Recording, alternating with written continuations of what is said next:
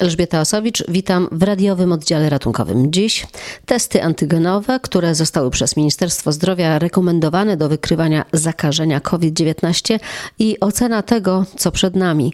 Dziś nowych przypadków było mniej niż w ubiegłym tygodniu 737 na Dolnym Śląsku, a w całym kraju ponad 15,5 tysiąca. Było już przecież ponad 22 tysiące zakażeń jednej doby.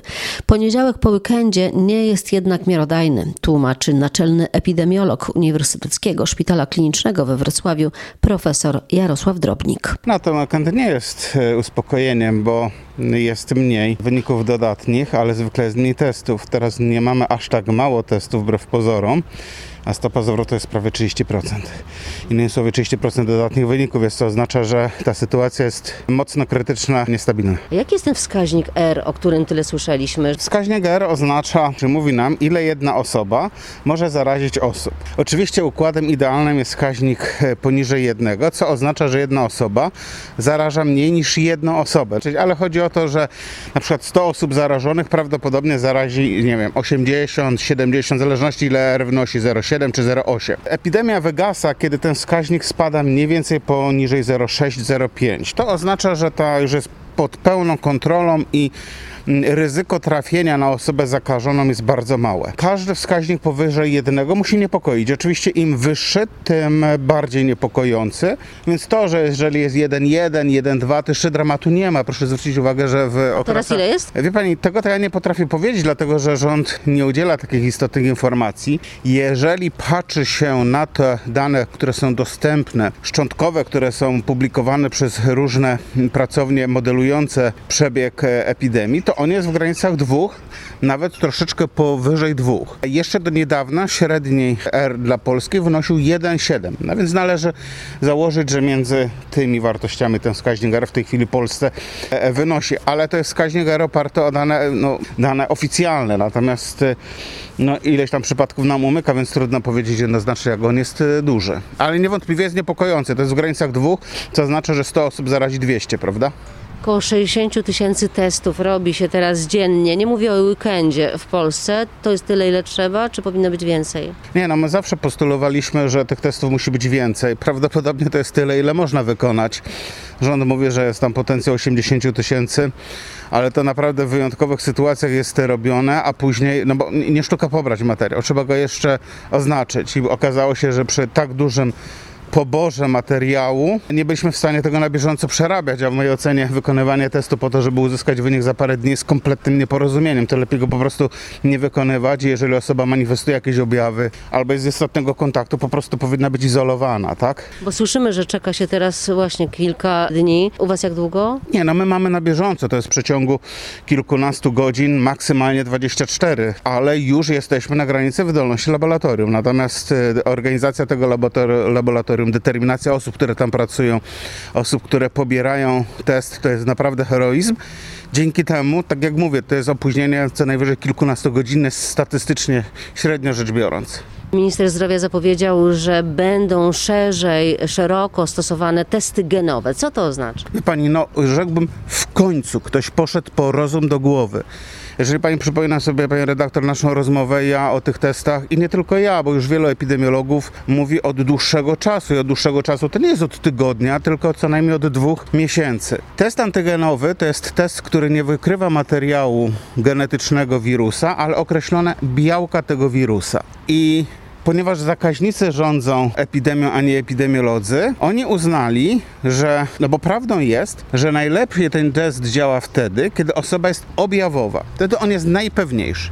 Ale te testy charakteryzują się dużą czułością i swoistością w tym okresie. Osoby, które zarządzały, ja wielokrotnie postulowałem, żeby wprowadzić ten test antygenowy, mówiły, ale jeżeli test jest ujemny, to nie oznacza, że on jest ujemny. I to jest prawda ale to ryzyko ujemności nie jest wbrew pozorom aż tak strasznie duże, jeżeli w odpowiednim momencie będziemy wykonywali ten test. Natomiast jeżeli ten test jest dodatni w tym momencie, w którym jest, to pacjent jest po prostu dodatni. I teraz test trwa 15 minut, kosztuje 30 parę złotych, choć tu znowuż jest pułapka w kontekście finansowania. Ja mam nadzieję, że pan minister to zmieni, dlatego że testy antygenowe w tej chwili nie są refundowane przez NFZ. No, skoro nakazuje, szpitala, to raczej tak chyba. E, nie, rekomenduje, ale niekoniecznie za rekomendacją musi spłacenie. Na razie nie. Nie wiem, może za, dzisiaj się okaże, że jednak będzie refundowany. Wie pani, w przypadku takiego szpitala, jak nasz, dużego, żeby to narzędzie było skuteczne, to my nie możemy kupić 10 tych testów. My musimy kupić kilka tysięcy, jak nie kilkadziesiąt tysięcy tych testów, jeżeli to ma służyć nie dzień, dwa, ale jakiejś pewnej perspektywie czasu. Proszę sobie poprzemnożyć to razy 30. To jest pełny koszt e, nasz. A jest gdzie kupić?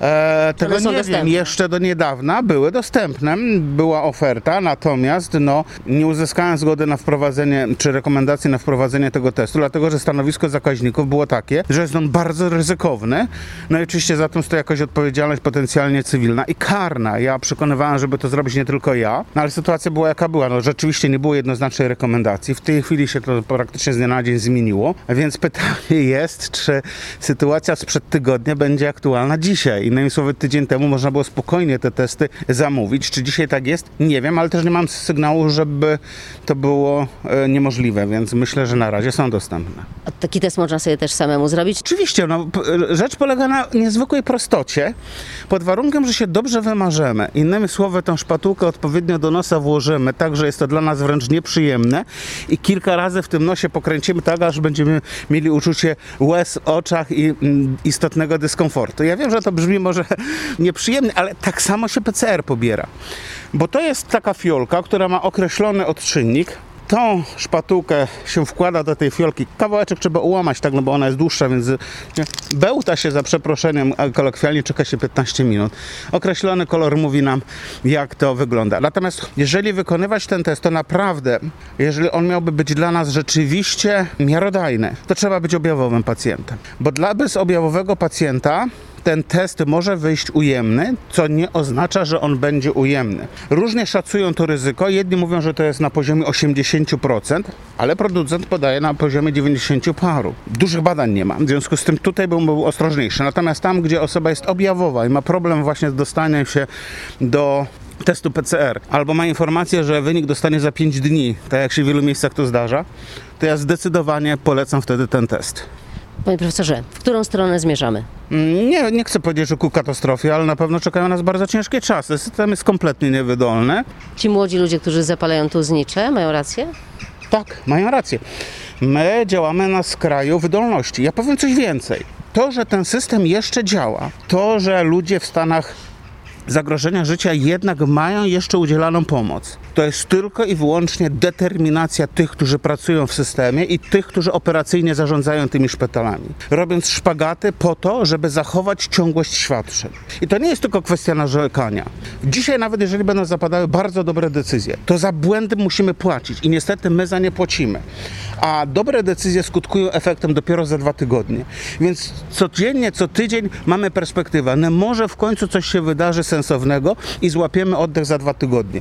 Tylko tak się dłużej nie da po prostu. Ja co tydzień mniej więcej e, spotykam się z wojewodą i też patrzę na jego decyzje, jakie wydaje. Właściwie każdego dnia wydawanych jest kilka, kilkanaście decyzji o tworzeniu nowych miejsc covidowych w szpitalach powiatowych. Izolatoria są w sanatoriach, to o czym rozmawialiśmy.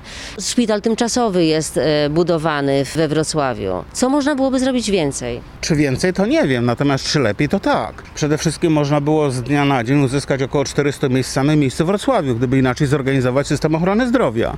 Dlaczego nikt nie podejmuje takich decyzji, tego to ja nie wiem. Ale gdzie te 400 miejsc? W mojej ocenie to jest jeszcze możliwość rozwinięcia ze 100-150 miejsc na ulicy Koszarowej. Przecież tam w pierwszym czerwonym szpitalu było zdecydowanie więcej miejsc. W mojej ocenie takim drugim szpitalem dedykowanym byłby szpital na ulicy Kamińskiego, który można by de facto od razu przekształcić w szpital covidowy. Z perspektywy tego, co się u nas dzieje, na naszym sorze jest to mocno potrzebne. Jeżeli nie rozbuduje się systemu izolatoriów, proszę zwrócić uwagę, systemy izolatoriów, bo my budujemy od tygodnia, a epidemia jest od lutego i marca. I wszyscy wiedzą, że bez takiego narzędzia nie da się opanować lawiny. Mieliśmy olbrzymie szczęście na wiosnę i nikt nie wyciągnął z tego wniosku. Według najnowszego raportu wojewody na Dolnym Śląsku są przygotowane 2044 tzw. Tak łóżka covidowe, z czego ponad 1250 jest zajętych. W izolatoriach ma powstać kilkaset miejsc dla zakażonych z lekkimi objawami. To, co teraz najbardziej niepokoi, to szybko znikające miejsca z respiratorami przeznaczonymi do walki z pandemią.